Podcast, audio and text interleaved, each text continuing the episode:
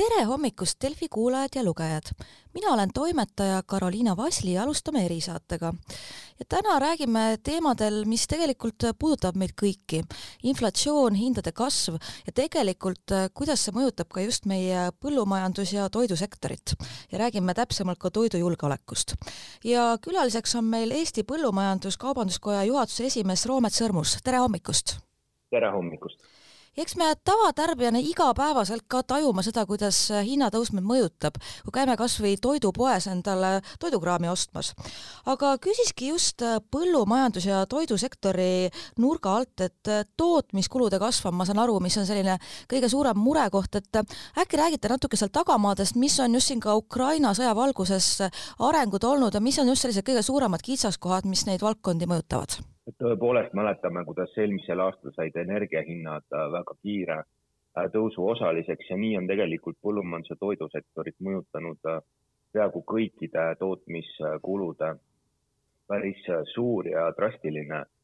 tõus ja kõige hullem ongi see, et on toimunud selline kulude kumulatiivne tõus, et praktiliselt ükski kulu ei ole jäänud suurene, suurenemata ja mistõttu see on ka tegelikult põhjuseks, miks ka juba tarbijad äh, väga otseselt tunnetavad äh, toiduainete hinnatõusu, sest, äh, sest tootjad paratamatult peavad need kulud tarbijatele edasi kandma jah, olete ka viidanud, et tõesti see hinnatõus sai juba alguse eelmisel aasta sügisel ja kõik see energiahindu puudutav, et äh, tahakski küsida, kuidas nüüd kevadel edasi on läinud, et just ka see Ukrainat puudutav, ise kuuleme uudistest, palju räägitakse just ka sellest, kuidas viljavarud on kinni jäänud ja muidugi ka kõik, mis puudutab sanktsioone Venemaa osas, et oleme pidanud sealt lahti ennast rebima, et, et sealt nii väga enam ei sõltuks. kui võtame siin nüüd üksikute nii-öelda siis sisendite lõikes, siis äh, väetise hinnad. Tõepoolest eelmisel sügisel olid juba üsna kõrgel tasemel, seal kevadega võrreldes umbes äh, kaks korda kõrgemad ja see sõja puhkemine Ukrainas äh, andis ikkagi nii tugeva signaali turul, nii et väetise hind tõusis seal juba üle tuhande euro tonnist, mis oli umbes neli korda kõrgem kui, kui ta oli veel aasta, aasta tagasi olnud et tänaseks on äh, turg seal äh, pisut rahunenud ja, ja, ja väetise hind on langenud sinna tagasi kuskil seitsmesaja euro juurde, mis on jätkuvalt äh, noh, väga kõrge hind aasta võrdluses, aga, aga, aga tunduvalt jah, mõistlikum hind selles, sellises sõja segaduses, et siin on kindlasti oluline teema see, et seni me oleme päris palju väetiseid toonud Venemaalt kuskil kaks kolmandikku Eestis tarbitavatest väetistest on Venemaalt tulnud. Ja selle hooaja märksõna on kindlasti see, et suured äh, väetiste maaletoojad otsivad alternatiivseid äh, tarnijaid siis äh, mujalt Euroopa tehastest, aga ka siis mujalt maailmast, nii et üksjagu, üksjagu sellist ebakindlust selles väetiseturul on, on, on jätkuvalt, aga, aga ka suuremad tarnijad on kinnitanud, et et loodetavasti nad siiski äh, selle väetise meie põllumeeste jaoks äh, leiavad, aga hind on jah, praegu äh, üsna ebaselge ja väetise hind on otseses sõltuvuses ka tegelikult gaasi, gaasi hinnast, et, et selles osas on ka noh, väga oluline, millised on arengud gaasiturul ja teatavasti gaasi hind ise on ka ju kordades ja kordades kasvanud. nüüd teine grupp, mis ka põllumajandustootjate jaoks on väga oluline ja eelkõige siis, äh, eelkõige ka just loomakasvatajate jaoks on siis söödahinnad. et ühelt poolt kindlasti noh, taimekasvatajatele valmistab rõõmu, et teravilja ja rapsi hinnad on väga kõrgetel tasemetel, aga loomakasvatuse jaoks on see tõeline peavalu, et kui me vaatame siin teravilja hindu kuidas nad on aastaga arenenud, et siis äh, noh, nii nisu kui rapsi puhul me võime rääkida sisuliselt kahekordsest äh, hinnatõusust, et viimastel nädalatel on sellest absoluutsest tipust äh, hinnad küll kuskil kümme protsenti alla tulnud, aga, aga jätkuvalt me räägime väga-väga kõrgetest hindadest, mis paneb loomakasvatajad tõsise surve alla, et kas see, kas seda kogu seda hinnakasvu, mis tootmiskulude poolel tõuseb seda on võimalik äh, noh, nendel siis kokkuostjatele ja, ja toidutööstustel siis omakorda tarbijatele äh, edasi kanda, et kui me praegu vaatame sellist hinnaarenguid äh, mis on jaehindades toimunud ja mis on toorainete hindades toimunud, siis kindlasti kogu hinnatõus tarbijateni veel täna jõudnud ei ole jah, ma just tahtsingi seda ka küsida, et lugesin ühte teie aprillikuu artiklit Äripäevas, kus ütlesite ka, et ei ole veel kõik tarbijate jõudnud, aga otse küsides, et paraku hullemaks läheb ka tarbijate seisukohalt, et ei ole siin lootust mingit, mingisugustele hinnaalandustele peagi? väga, väga suuri lootusi sellele panna tõepoolest ei saa, et kui me vaatame ka tootegruppide lõikes, siis piima kokkuostuhind siin, viimased ametlikud andmed on aprilli kohta avaldatud, siis aasta võrdluses piima kokkuostuhind kasvanud kolmkümmend seitse protsenti. aga me teame, et mais on see tõus jätkunud, nii et kuskil viiskümmend protsenti on tõusnud juba see kokkuostuhind, nii et paratamatult see peab jõudma ka poelettidele tarbijahindadesse, et kui maikuu konjunktuuriinstituudi andmeid vaadata, siis piimatoodete hinnatõus on olnud seal suurusjärguna viisteist kuni kolmkümmend protsenti sõltuvalt seal, sõltuvalt tootest, nii et äh, tegelikult täna võib küll öelda, et tooraine hind ehk siis toorpiima nii-öelda põllumeeste poolt müüdava toorpiima hind on äh, oluliselt kiiremini kerkinud kui poes äh, piimatoodete hinnad ja jätkuvalt me no sõltuvalt ka poe strateegiast näeme, et Äh, suhteliselt äh, soodsa hinnaga piim on, on jätkuvalt letis, et, äh, et piim tundub olevat jätkuvalt selline toode, millega ka klienti poodi meelitatakse. ja noh, teiselt poolt siin võtame edasi teravilja, mis on hästi tähtis nagu sisend, nagu ma ütlesin, teravilja enda kokkuostuhind, no ütleme, turuhind praegu ju veel oleme alles nii-öelda hooaja alguses ja viljalikkus on alles alles siis äh, kuu-kahe äh, pärast, aga, aga turuhind on, on tõesti kor-, kordades kasvanud ja ka poes nisujahu hind tõesti juba ka kolmandiku võrra on tõusnud. aga siin leivasaia hind näiteks äh, kümme, kakskümmend protsenti tõusu, et kui me mõtleme, et lisaks vilja hinnale on ka gaasi hind väga kõrge, siis, siis arvatavasti seda paraku jah, seda nii-öelda vajadust hinnatõusuks on veel, on veel olemas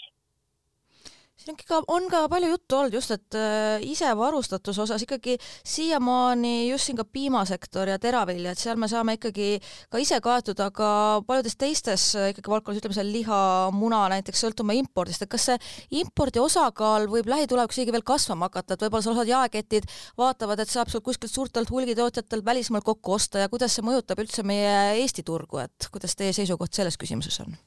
Et tõesti see isevarustatuse võime Eestil on erinevates sektorites äh, üsna erinev, et siin tõesti rapsi, äh, teravilja, ka piima osas me oleme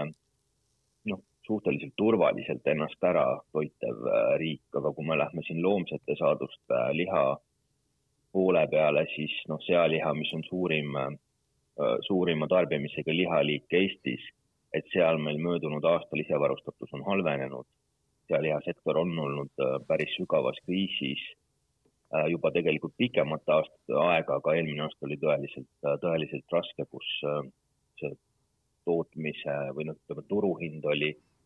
tootjate jaoks kuskil kolmandiku võrra madalam kui tootmise tegelikud kulud, nii et seal me kuskil kaheksakümmend protsenti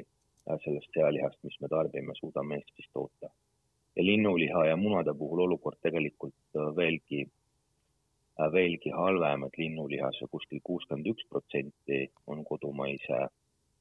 kodumaine tootmise nagu võimekus äh, tarbimise mahust ja munade puhul pisut üle poole. nii et jah, me siin liha poolel sõltume päris palju äh, imporditud toodetest, imporditud toorainest ja, ja mis seal salata, Eesti inimesed on ikkagi üsna hinnatundlikud, seda ei saa ette heita, meie meie kogu sissetulekutest toidule läheb üle kahekümne protsendi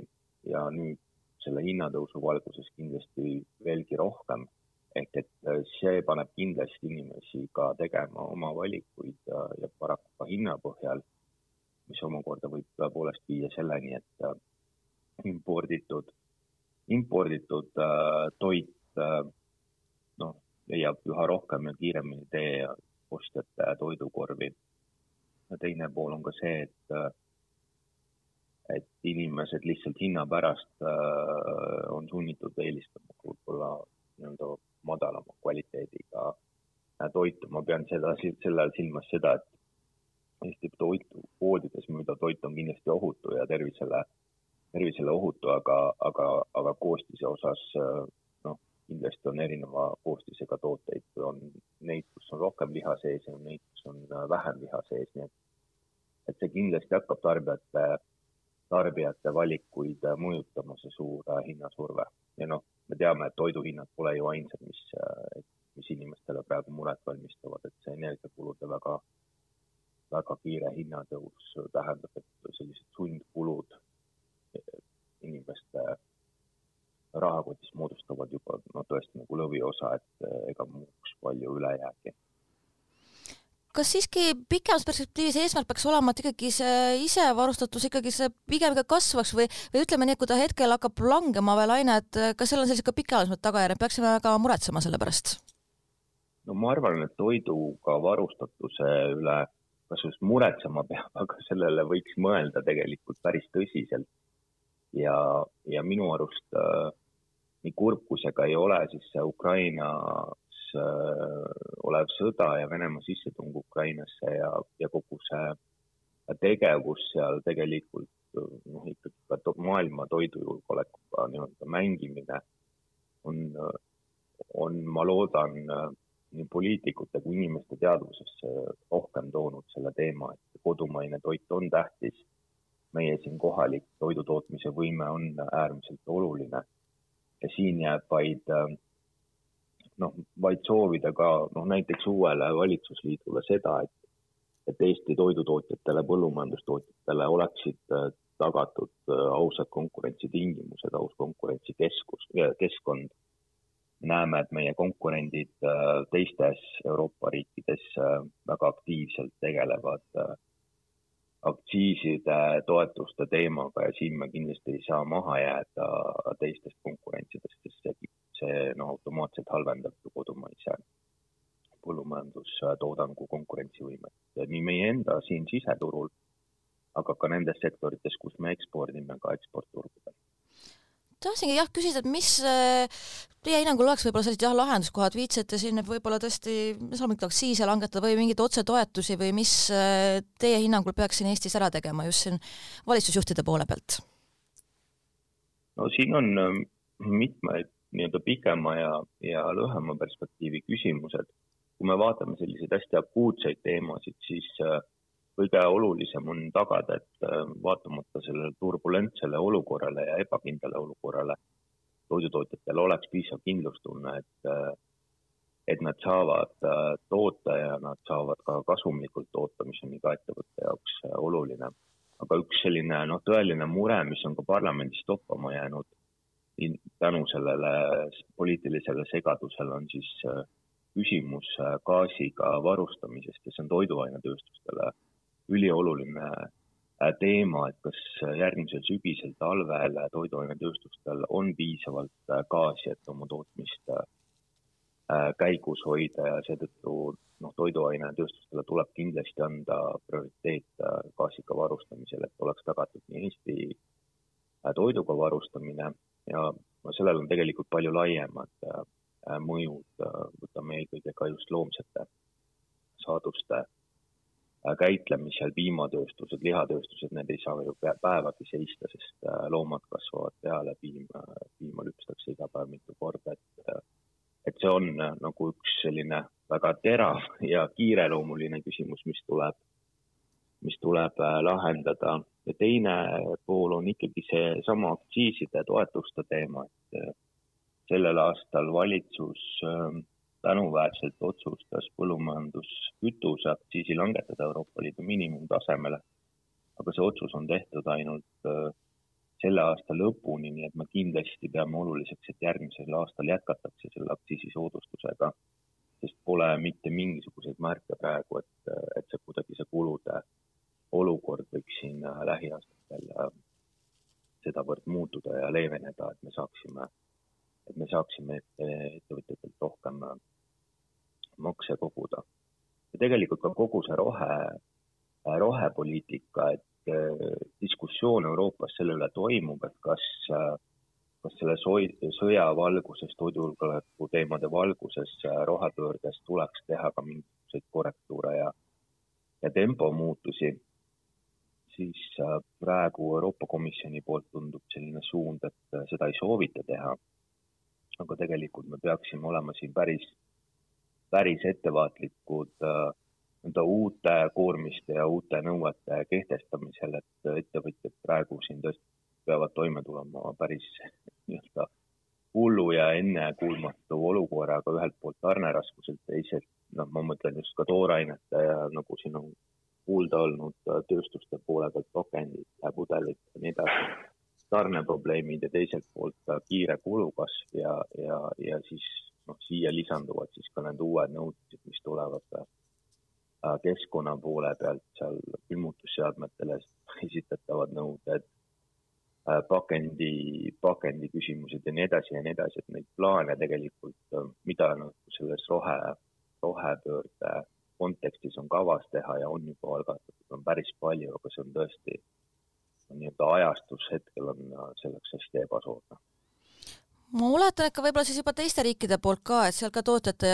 poolt on tulnud ka signaale, et seal teatud asjadele võib-olla peaks pidurit tõmbama või vaatama natuke teise praeguse hetkeolukorra nurga alt nagu üle just siin ka rohepööret ja kõike puudutavat? no absoluutselt, ega rohepöördest tuleb ka eristada nagu sellist äh, nii-öelda absoluutselt vajalikku suunda, mis puudutab näiteks meie energiajulgeoleku suurendamist, taastuvenergia osakaalu suurendamist, noh, võtame põllumajandussektori konkreetsemalt, meie jaoks on hästi tähtis, et biometaani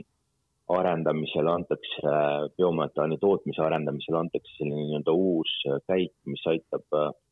mis aitab lahendada nii põllumajanduse keskkonna ja kliimaprobleeme, aga teisalt on, on noh, kodumaisel sõnnikul väga suur potentsiaal ka äh, selles osas, et suuta Eesti riigi gaasivajadusest päris märkimisväärne osa äh, ära katta. Aga teine pool on just jah, need erinevad äh, sellised täiendavad nõuded, piirangud, mida ka siin põllumajanduse ja toidu poole peal on päris palju Euroopa Komisjon ette valmistamas ja juba ka ettepanekuid teinud mis puudutab nii taimekaitsevahendite kasutamise piiramist, väetiste, väetiste kasutamise piiramist, äh, erinevaid äh, bürokraatlikke nõudeid, noh, loomakasvatusettevõtetele lisa, lisakohustusi ja nii edasi ja nii edasi, et sellise nii-öelda lisa halduskoormuse tekitamine praegu on kindlasti noh, lausa taunimisväärne, sest ettevõtjad, neile tuleb anda praegu tõesti võimalus ja rahu selle erakordse olukorraga toime tulla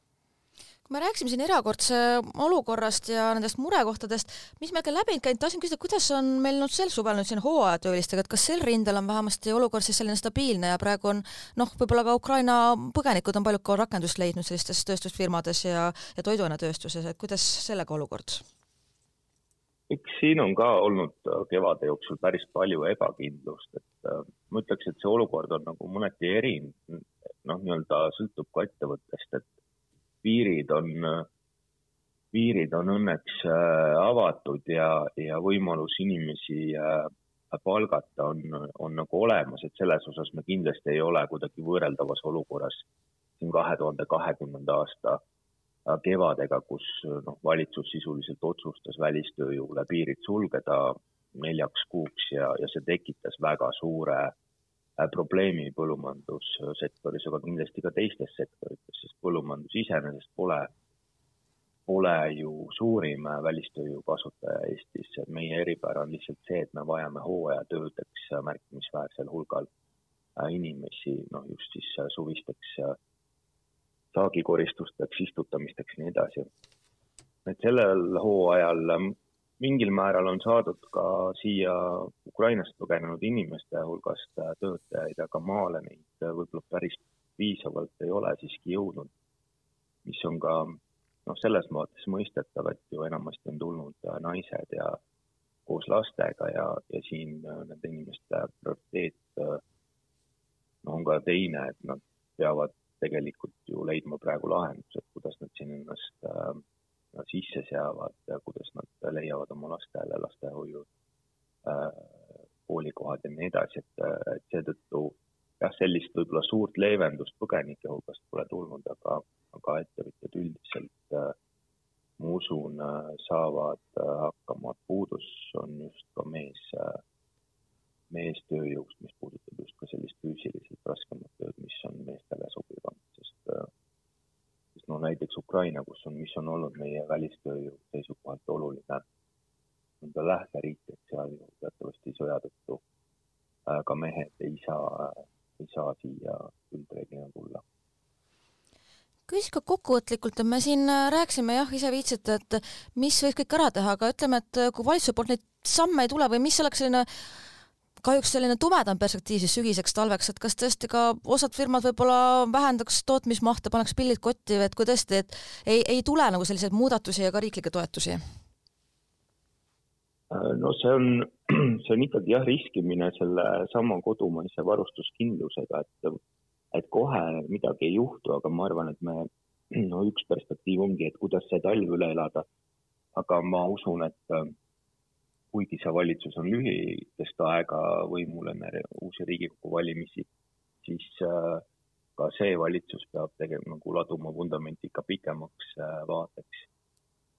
noh, see sõltub siin väga palju ka konkreetsest sektorist, no näiteks sea, seakasvatuses praegu on tõsiselt äh, Äh, kriitiline olukord, kus äh, hinnad on nagu tõusnud, kokkuostuhind on küll tõusnud,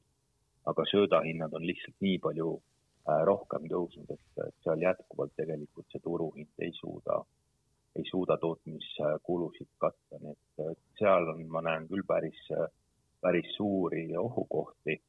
mõnevõrra aitab kindlasti see praegu nüüd kevadel otsustatud abipakett noh, osasid sektoreid äh, nii-öelda toetada ja, ja jätkuvalt vee peal äh, püsida, aga, aga jah, pikemas perspektiivis äh, need siseriiklikud toetused on jätkuvalt olulised, sest et